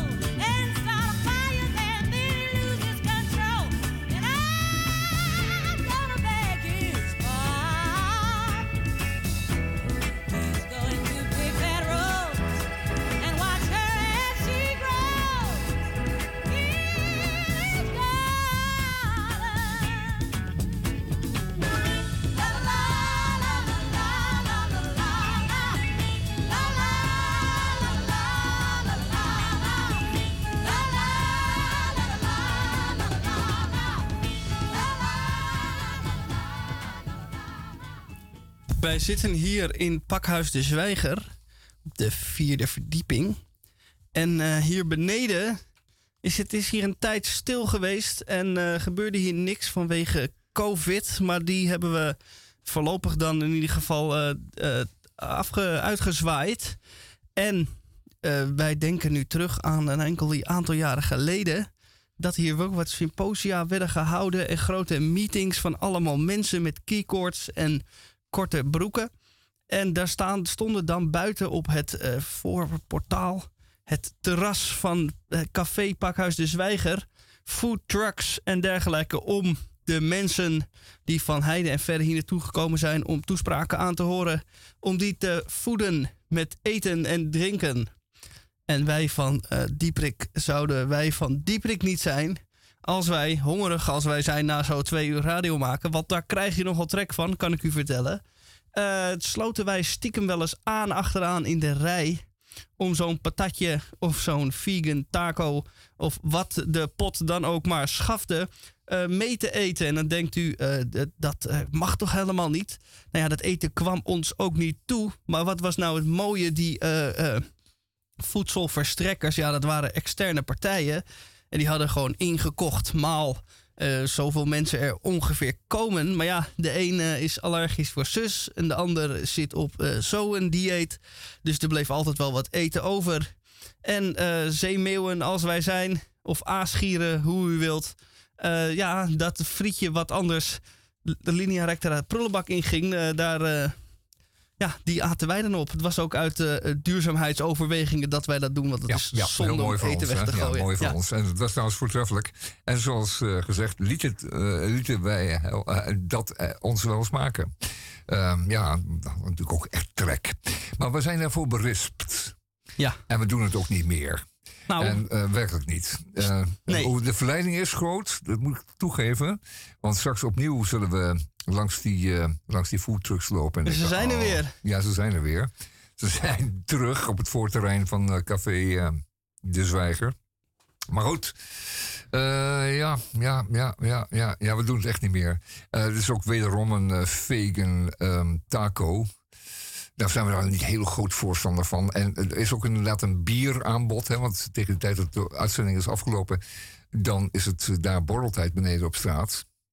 Er zijn grote tonnen gevuld met ijs... en met daarin flesjes bier. Die eh, worden dan ook aangeboden aan eh, alle leden van de... of de, bezoekers van het eh, fest, nee, festival. geval, De conferentie is het uiteraard. Het is allemaal software, hè? softwareconferenties zijn het. Ehm, en in dit geval is het een biertje... eh, gebrouwen door vrouwen voor vrouwen. En dat voeren ze op, dat bier, aan allemaal mannen. Dat vond ik al weer grappig. En die eh, drinken het met grote smaak op. En toen ik informeerde, wat is er dan voor biertje? Zei de bartender, eh, het is een damesbiertje. Nou mag u verder invullen wat dat dan is. Dat weet ik niet wat dat is, een damesbiertje. Weet jij dat? ehm, nee, Weet jij wat een damesbiertje is? Zeker dat- niet. Zit er een beetje minder prik in of zo? Minder, Ik eh, denk, is het uit minder bitter? Is het zoeter? is het misschien een biertje wat eh, mooi bij je jurkje kleurt? Nou, het etiketje is in ieder geval eh, smaakvol van kleur. Dat is Ah. zeker zo. Daar kun je rustig een, eh, een, een zomerjurkje bij denken. En dan ben ik weer op het randje van eh, wat niet toegestaan is. Waar het eh, laatst in de Groene Amsterdammer over ging. Ja, precies. Ja, nou laten we daar dan ver van eh, weg blijven. Seksisme. Eh blijf ook ver van weg. In ieder geval, we gaan, eh, eh, ons is toch een biertje aangeboden. Eh dan moeten we maar eens overwegen om dat te doen. Misschien ook niet hoor. Misschien laat het wel zo. En het blijft ons geweten schoon. En hoeven we daar geen vroeging over te krijgen. Ehm, we hebben nog voor u in petto een tweede uur van Radio Dieperik hier op de vrijdagmiddag in Amsterdam. Groot Amsterdam zijn we er vroeger bij. Eh, aantal kromwoorden krijgt u straks voor u kiezen. Eh, daar zitten er een paar bij waarvan u denkt van... mijn hemel, het zal toch niet waar zijn? Ja, inderdaad, dat klopt. Het zal niet waar zijn. Maar ja, ondertussen moeten ze wel worden eh, geduid natuurlijk. Anders gaan we ontevreden naar bed vanavond. Dat willen we ook niet. Ehm, we draaien nog Nee. verder goede muziek. We hebben nog even over, over de, de Elvis-film... Die we, die we gaan zien van de week. Wij gaan voor Radio Dieprik eh, Ja, dat- cultureel doen. Ja, Wij gaan naar de film toe. dat is een opdracht die we onszelf stellen. Ja. eh, om naar die film te gaan kijken. Ja, ja, ja. ja, Want eh, wij En- willen en ons daar, eh, niet... vorige- eh, volgende week vrijdag daar iets over te kunnen melden. Want u weet dat Elvis altijd een vast onderdeel is van ons radioprogramma. We eindigen sowieso altijd het uur met een song van Elvis. En aangezien de, de man een heel breed repertoire is, is er altijd wat bij. Ongelooflijk veel muziek gemaakt. Of laten maken. Of hebben het uitgevoerd. we hebben altijd wel keus. Maar goed, daardoor zijn we natuurlijk ook verplicht om de film te gaan zien. Zeker. Er is in 1983 een eh, LP verschenen met eh, liederen van Elvis. Dat was een eh, LP die in klein beheer is uitgegeven. Ook niet officieel via de company waar Elvis dan bij zat. Die dat moment niet meer, toen leefde hij niet meer. Maar dit was eigenlijk een illegale bootleg album. En dat album heette Elvis Greatest Shit. En dan Oké. eh, in plaats van hits, dan eh, shit. Ja, En eh, dat zijn liederen van Elvis die nou ja niet per se geslaagd zijn. En dan moet u denken aan liedjes uit die vele, vele films die er, waar hij als hoofdrolspeler in speelde. Dat waren er 31 in totaal. Mijn hemel, is het werkelijk waar? 31 films ja, heeft man gemaakt. het is alleen eigenlijk de eerste paar films eh, uit de jaren 50 Mhm. waren Jailhouse Rock en zo. Dit was nog wel te pruimen. En helemaal aan het einde van zijn eh, eh, filmloopbaan waren er één of twee films. Een film Sharrow. Is de enige film zonder waar hij niet halverwege liedjes gaat zingen. Want dat maakt een film vaak ook lastig Nou, eh, uit goed het verhaal te schrijven. Uit, uit het niets pakt hij dan een, een gitaar en dan opeens is hij aan het kwelen. Ja, en dat, dat, eh, dat gaat, dan kun je natuurlijk niet een. eh, eh, eh, Met zo'n juffrouw ernaast. Met een juffrouw ernaast. Nou, dan weet je wel wat eh, eh, het niveau van al die films was met die gitaar. En laten we er één eh, van zijn greatest shit even draaien. ja, natuurlijk. Dan, eh, een- Zeker, weet waar we het over hebben. Hè? Well, I can see that you and yoga will never do. Yoga is as yoga does, there's no in between. You're either with it on the ball or you've blown the scene. I can see looking at you, you just can't get settled. How can I even move, twisted like a pretzel?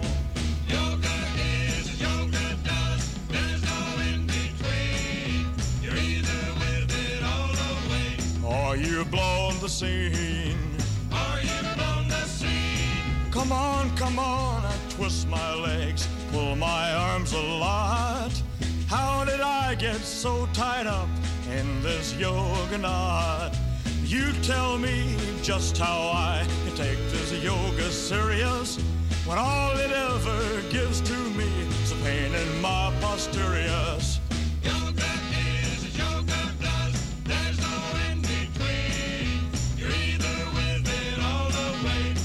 You've blown the scene. Or you've blown the scene. Stand upside down on your head, feet against the wall. A simple yoga exercise done by one and all. Now cross your eyes and hold your breath. Look just like a clown.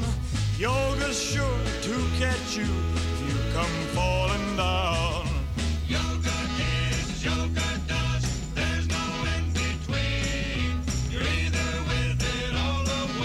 or you've blown the scene. Or you've blown the scene. Yoga is as yoga does. There's no in between. You're either with it all the way, or you've blown the scene. Nou, Elvis, is precies- ja, dat is wat we bedoelen, hè? Dit gaat over yoga. Elvis over yoga. En weet je wat nou het trieste hieraan eigenlijk is? Nou, Dit lied eh, komt uit de film Easy Come, Easy Go. En Elvis was natuurlijk eh, de rebelse zanger uit de jaren 50 die de wereld eh, opschudde met zijn heupen en haar max in eh, zwart leer gehuld, ja zeker. Ja, en nou, dit kwam uit 1967. Dan was hij afgezonken naar dit bedenkelijke niveau. En denk er eens over na wat voor muziek er allemaal gemaakt is in het jaar 1967. En dan sta jij als de king daartussen met dit nummer. Ja, dat is toch jammer? Ja, en, ehm, en nou wil het verhaal natuurlijk dat die eh, vreselijke eh, uit Nederland, CQ Brabant, CQ Breda afkomstige manager van Kuik. de heer ja, Kuik, Uit Kuik. uit Kuik, dat hij eh, daarvoor ehm, de aanstichter is geweest. Dat hij, eh, dat hij deals, schimmige deals heeft gesloten met filmproducers in Hollywood en, en andere maffia om, om de heer Elvis eh, te exploiteren. Want ja, tenslotte had hij een following die eh, miljoenen bedroeg. En eh, alles wat hij deed was, werd goud. En dit dus blijkbaar ook. Yoga here en yoga there. My twisted arms and legs like a pretzel. Ik bedoel, het niveau was ook inderdaad wel boeiend. Het kan nog erger zo, trouwens. Zover kun je dus aftiegelen. En 1967 zei jij? Dit nummer kwam uit Ja, nou, 1967. wat- eh, op, op dat moment werd er natuurlijk in de, in de wereld heel wat goede muziek gemaakt. Want het is het hoogtepunt van, eh, eh, van de popmuziek. Hè? De, die jaren van het. De, jaren van echte goede popmuziek, zeggen wij dan. Hè? Ehm, en, en laten we dus wat draaien uit die jaren. Ja, nou, we moeten nog even zoeken natuurlijk. Dat gaat niet zomaar. Want we komen hier ad hoc, altijd op ad hoc ideeën. En die moeten we dan ook wel voor elkaar zien te krijgen. Ehm, laat ik het niet over Knoet Hamson hebben. Eh, alsjeblieft niet. Uh, ten slotte, de man was uh, dermate fout. maar het schijnt wel de enige te zijn geweest die eh, Adolf Hitler een keertje op, goed op zijn vet heeft gegeven. De enige, enige in de wereld die dat ooit heeft gedurfd. Want het kwam omdat Adolf Hitler een fan was van Knoet Hamson, de Noor. Nou ja. Maar ja, als je dan... Ja, nou ja, goed. Hier, 1967. Wauw. Niet over yoga. Let's take it on.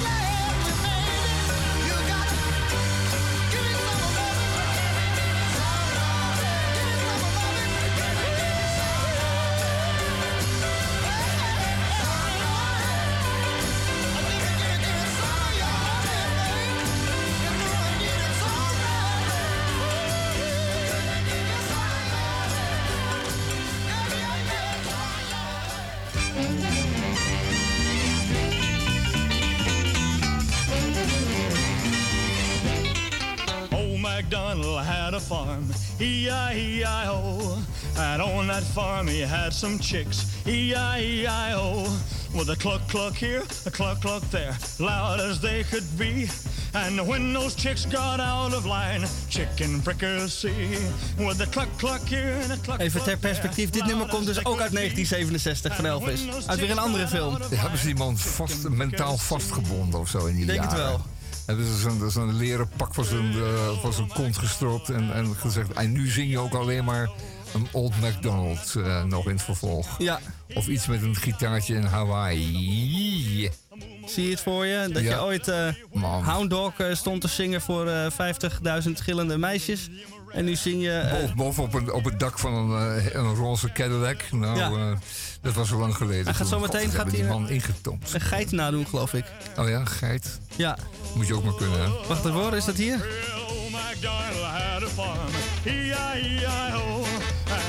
Old had a farm, E-I-E-I-O. And on that farm he had some pigs. Pig, oh hier. E-I-E-I-O. With an oink knock here Oh, and a oink knock there. Oink Pigs knock. everywhere in sight. And when those pigs got out of line, pork and beans at night. With an oink knock here and a oink knock there. Pigs everywhere in sight. And dat when doet hij dan those wel weer pigs goed, got oink out of knock. line, Ja. pork and beans at night. Well, I'm gonna have a farm someday. Zoals gezegd, dames en heren. En meisjes en jongens, eh, we gaan dus eh, van de week naar de film Elvis the Movie. En eh, we zullen u daar volgende week vrijdag kont van doen. Vertellen wat wij ervan vinden. Maar we hebben een beetje last van het feit dat we al een paar recensies hebben gelezen. En dat moet je eigenlijk nooit doen, want die waren niet fameus. En fijn, eh, we gaan er toch met open ogen in. Met boter en suiker gaan we ja, erin. Ja, we gaan erin. Omdat we natuurlijk onverklaarde fans zijn natuurlijk eh, van Elvis. Dus we vinden eigenlijk alles voor mij. Dat is niet zo. We zijn op een manier... Nou ja, we gaan het echt proberen. We gaan het proberen om... De film om- duurt ook meer dan 2,5 uur Ja, trouwens. het wordt wel een hele zit. U moet wel begrijpen dat we wel echt wel iets voor over hebben. Zonder Ja. pauze. Ja, zonder pauze. We voelen ons een beetje als die toeristen in die rondvaartboot op een Ja, gegeven moment, denk ik. Oh, ik moet, maar ik, ik kan niet. Maar eh, we gaan dan toch echt naar de film. En daar gaan we zelfs geld voor neertellen. Eh, hij draait nog in de Hallen. Dus daar zullen we zijn dan de dinsdag of woensdagavond. Ehm, nou, fijn. We zullen het u vertellen.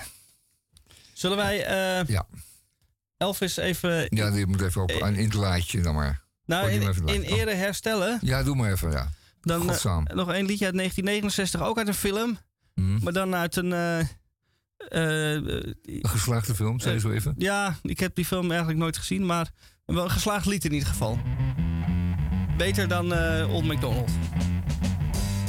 Het, klinkt zo, het, het- het intro klinkt wel een stuk beter.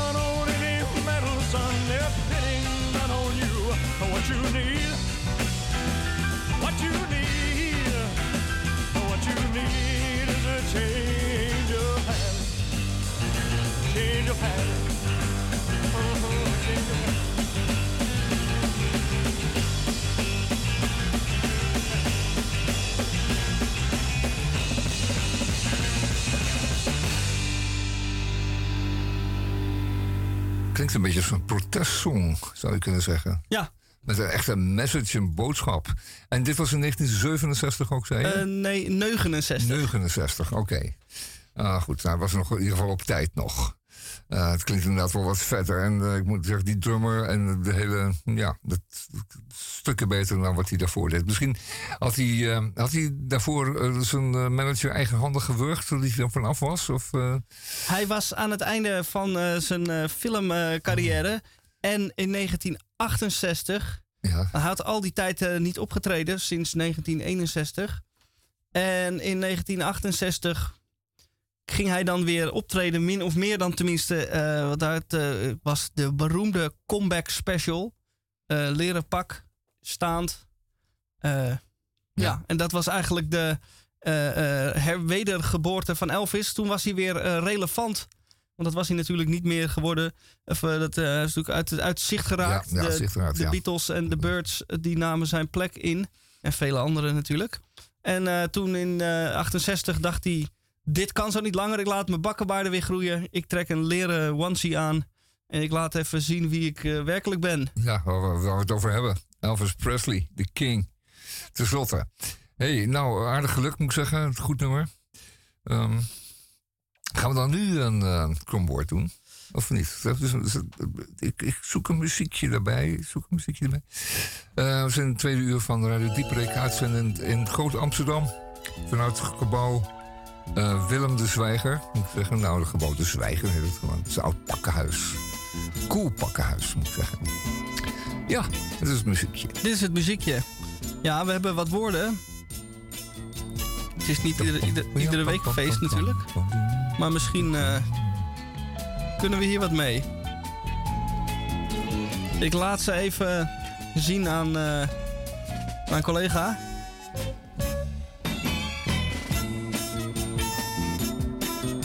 Terwijl u geniet van dit muziekje. Het niveau is niet al te hoog deze week. Helaas.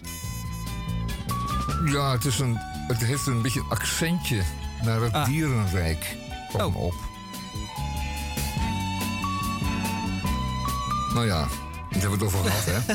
Dat centrisme van het dier. Ja, de, ik, eh, tijdens het muziekje eh, na mijn column heeft Tamon even goed uitgelegd dat er wel degelijk eh, extreme of eh, eh, fatsoen- voldoende inhoud in de column zat. Ja, ja, ja op prachtige manier zelfs. Dat komt omdat het doet altijd wat nihilistisch aan. Maar dat is het zeker niet. Het kan meer laag zijn. Daar moet u gewoon over nadenken. Moet goed luisteren. Luistert u anders eens een keertje terug. Dan zult u zien, het is meerlagig. Oké, kikkerbillenkoek. Denk je, ja, kikkerbillenkoek. Die gaat toch een kikkertje niet op zijn billetjes eh, eh, geven. En wat heeft die, die diertje dan misdaan? Heeft hij eh, geroepen in de nacht? Heeft hij uit, de slaap gehouden in zijn vijvertje? Dan moest dus wat ook maar een beetje brullen om een vrouwtje te vinden. Want als je niet brult, dan vind je ook geen vrouwtje. Je moet wel een beetje laten weten dat je er bent, hè? Dat je aanwezig bent. Nee, het gaat over iets anders. Het gaat over de bespottelijke wijze waarop wij... waarop wij eh, in Europa, maar ook over de hele wereld... eh, eh, kikkerbillen verzwelgen. En, eh, in Frankrijk wordt het kippendijen genoemd. Het gaat natuurlijk ook inderdaad over de dij van het diertje. Verder is het niet te vreten, maar het, het, enige, stukje wat je zou kunnen eten aan een kikker... dat zijn zijn dijen. Zoals bij een kip zit daar nog een klein beetje vlees op. En dat dien je dan te savoueren. Echt, eh, dat dien je je dan eh, te smaken. Dat moet heel zorgvuldig bereid worden. Want dat hele kleine hapje, eh, hetgeen wordt beschouwd als een eh, delicatesse, eh, eh, is, is, is, is helemaal misplaatst. Dat mag je wel zeggen. Wij vonden het natuurlijk altijd vreemd al dat ze, dat ze deze beestjes aten. Het arme dier. Maar het gaat over zeer grote bedragen, jongens. Hou je even vast. In tien jaar tijd importeerde de Nederland... Nederland, moet je nagaan, Nederland. Eet u ze wel eens? In tien jaar tijd importeerde Nederland 2,6 miljoen kilo aan kikkerbilletjes. Wie heeft die allemaal opgegeten? Ik niet. Nee, jij ook niet, hè? Ze staan- 2,6 miljoen kilo. Dat is een hele hoop. In 10 jaar tijd, we delen dat door 10 natuurlijk. Dan hebben we het over 2,6 ton. Ah, 100.000 ton, ton, 2,0 ja. Het is 2,5 ton eh, aan, aan kikkerbillen. Per, Ja, per jaar. per jaar. Ja. Twee, eh, Ja, ik even, ja, nee, het, het, kom nou. ik zal even Het kijken. tiende met- van 2 kun- 2,6 miljoen. Ja, Ja, dat is 260.000 kilo. En eh, dat zijn er eh, 260.000 kilo is 260 ton. 260 ton, dat zijn, dat zijn heel wat vrachtwagens van 30 ton vol. Wie heeft die kikkerbillen allemaal op zitten eten? Wordt er nog steeds in die mate kikkerbillen gegeten? Terwijl wie ook spreekt of vraagt, eh, zich altijd met afgrijzeld zegt, dat deed ik niet. Ik ben, niet, ik ben geen veganist of vegan, maar, maar de kikkerbillen, dat, dat kan me niet eten. ik kom eigenlijk nooit ergens dat ik het zie of eh, hoor of... eh, Het- ik heb het al zelden op de kaart zien staan. Dat zal wel in bepaalde Franse restaurants, die, die de Franse keukenheugen. En dat zal wel op de, op, de, op, de, op de kaart staan. ja, hoeveel En een Franse, enkeling, ja. hoeveel Franse restaurants stelt Nederland? Zoveel nou ook weer niet, toch? Nee, geen honderden. Die een echte Franse keuken voeren. Dat is dan maar heel zelden. In Amsterdam zijn er maar een paar. Die een echte Franse keuken voeren. Nou, daar zou het op de kaart kunnen staan.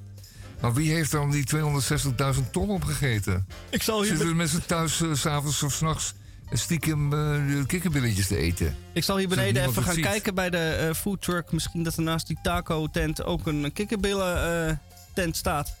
Dat we dat net over het hoofd hebben gezien. Nou, eh, nog wat. Eh, tussen 2010 en 2019, nog in een kleine negen jaar, werd 40.000 ton aan kikkerbillen geïmporteerd in de Europese Unie. Eh, dat klopt helemaal niet met ons verhaal, maar goed, eh, dat, dat is typisch weer deze kant, die telt dat niet na. Maar goed, de grootste exporteurs naar Europa zijn Indonesië, Vietnam, Turkije en Albanië. Eh, Turkije hebben ze alle kikkers al gevangen. Daar is het binnenkort, eh, over een jaartje of wat, zijn ze uitgestorven. Hebben ze dus compleet hebben dan de kikkers opgegeten. Eerst vermoord en dan alleen maar zijn billen opgegeten. Weet je wel? Ken je dat? Dat is Ja. een haai doden om alleen maar zijn vinnetje te kunnen afkluiven. Dat moet een keertje stoppen, die flauwekul, zeg. Je En kikkers, een, eh, jongens, laten we even wel wezen. Eh, Echt, u verdient billenkoek daar, kikkerbilleneter. Want kikkers spelen een belangrijke rol in de voedselketen. Ze eten veel insecten. Dat is goed voor de waterkwaliteit. En eh, in gebieden waar minder kikkers zijn, gebruiken de boeren meer bestrijdingsmiddelen. Voor, eh, bepaalde insecten. Dat, dat eten, die tong van ze eten ze heel wat insecten. En eh, daarvoor zijn ze van belang. Afijn. Cuis, kies zijn het. Kies de grenouille. Afijn. 3000 ton, het is allemaal gigabedragen. En eh, eh, even kijken, 2 miljoen kikkers per jaar. Oh, die arme dieren. En er zit maar zo'n klein grammetje vlees aan. Als je, als je een ton kikkerbillen wil oogsten, dan, moet je er tienduizenden van die beesten ombrengen. Ja. Kikker, kikkerbillenkoek. Hiermee verklaard. Ja, terecht. Uitgedeeld moet het worden. Nou zeg. En dan doe ik mijn krom woord nog even vandaag. Afbraakneigingen. En wat zijn nou weer afbraakneigingen? Dat is een fenomeen onder mensen die weinig positief in het leven staan. Men die niet constructief denkt, maar destructief denkt. Die vindt dat alles weg moet. Die kunst hier in de openbare ruimte, die moet weg. En die, dat café op de hoek wat zoveel lawaai maakt, dat moet weg. Want dat stoor ik me aan. En dat artikel in de krant en die columnist, die moet weg. En dat tv-programma en die reclame, die moet weg. En alles moet weg. Alles is fout. En mensen die dat, die zo in het leven staan, die lijden aan een aandoening. En die aandoening die eh, geeft nogal veel afbraakneigingen. Alles moet afgebroken worden, eh, ontruimd worden, weggehaald worden, ontnomen worden. En eh, men mag geen plezier meer beleven. Ja. Want het is niet mijn plezier, dus dan mag het niet. Weg ermee. Ja, zeker. En dat, ehm, dat, dat ben ik helemaal mee eens. Eh, dat geeft braakneigingen dan weer bij ons. Juist. Afbraakneigingen. Eh, er was gisteren eh, eventjes op televisie nog een klein stukje tv op de EO-nota bij de benen. Waarbij gekond werd gedaan van een beeld dat zich bevond in de tuin van een ziekenhuis. En eh, betrof hier een, eh, eh, een, een vrouw met twee kleine kinderen in de arm. En wat was het nou met dat beeld? Dat beeld dat kon vanaf de derde verdieping van boven gezien, vanuit dus het ziekenhuis, gezien worden als een obsceniteit. Oeh. Dus waren mensen in staat om een kijkpositie te nemen en op een bepaalde plaats, zodanig dat het leek alsof het eh, beeld een obsceniteit eh, suggereerde. Oh jee. En die hebben het voor elkaar gekregen dat eh, men bij de directie van het ziekenhuis dat het beeld dus werd verdraaid. Verdraaid. Ja. Ah. Uit, een beetje uit zicht werd gedraaid. Zodat dus dat sokkeltje hebben ze losgemaakt en dan hebben ze het verdraaid. En zodat die mensen niet meer helemaal naar de derde verdieping hoefden, naar dat bepaalde raam, om die obsceniteit te waar, eh, waar te nemen. Aha. Dus dan konden ze het gewoon bijvoorbeeld vanuit het grasveld of zo al meteen zien dat het een obsceniteit trof. Oh ja. Dat denk ik dan. Want Oh, ze wouden het graag delen. Degene op de derde verdieping denkt, ik alleen kan het ik niet zie anders dit. verklaren. En ik wil dat eh, bewoners Die van dit verzorgingstehuis iedereen het moet kunnen zien. Ja, precies. Ja. Ook de voorbijgangers, ook mensen in vrachtwagens die langs rijden of in trams. Dan konden ze allemaal meteen, oh, bar, dat is die obsceniteit in de ziekenhuistuin. Nou, over de EO en obsceniteit gesproken. Ik was Ik vond het fantastisch dat je iemand naar boven neemt. Eh, Wil je een obsceniteit zien? Moet je even naar boven mee. Een trap op en dan eh, helemaal de gang door. En dan, eh, ja. Ik was ooit als middelbare scholier met mijn volledige klas in Rome. Een stad vol christendom, overal en nergens. En wij waren in een kathedraal. Ik weet niet welke, een van de vele die daar te vinden zijn. Een of andere religieuze plek. En daar hing een enorm eh, eh, Christus aan het kruisbeeld. En toen liep ik daar naartoe. En u, eh, de afbeelding is u wel bekend.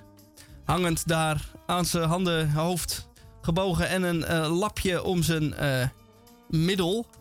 En toen liep ik er naartoe. En toen dacht ik, ik ga toch even onder het rokje kijken wat daar dan te zien valt. Ja. Maar dat was, daar hadden ze in de 15e eeuw, want toen uit, uit die tijd stamde dat beeld, hadden ze daar al over nagedacht. Het was gewoon massief.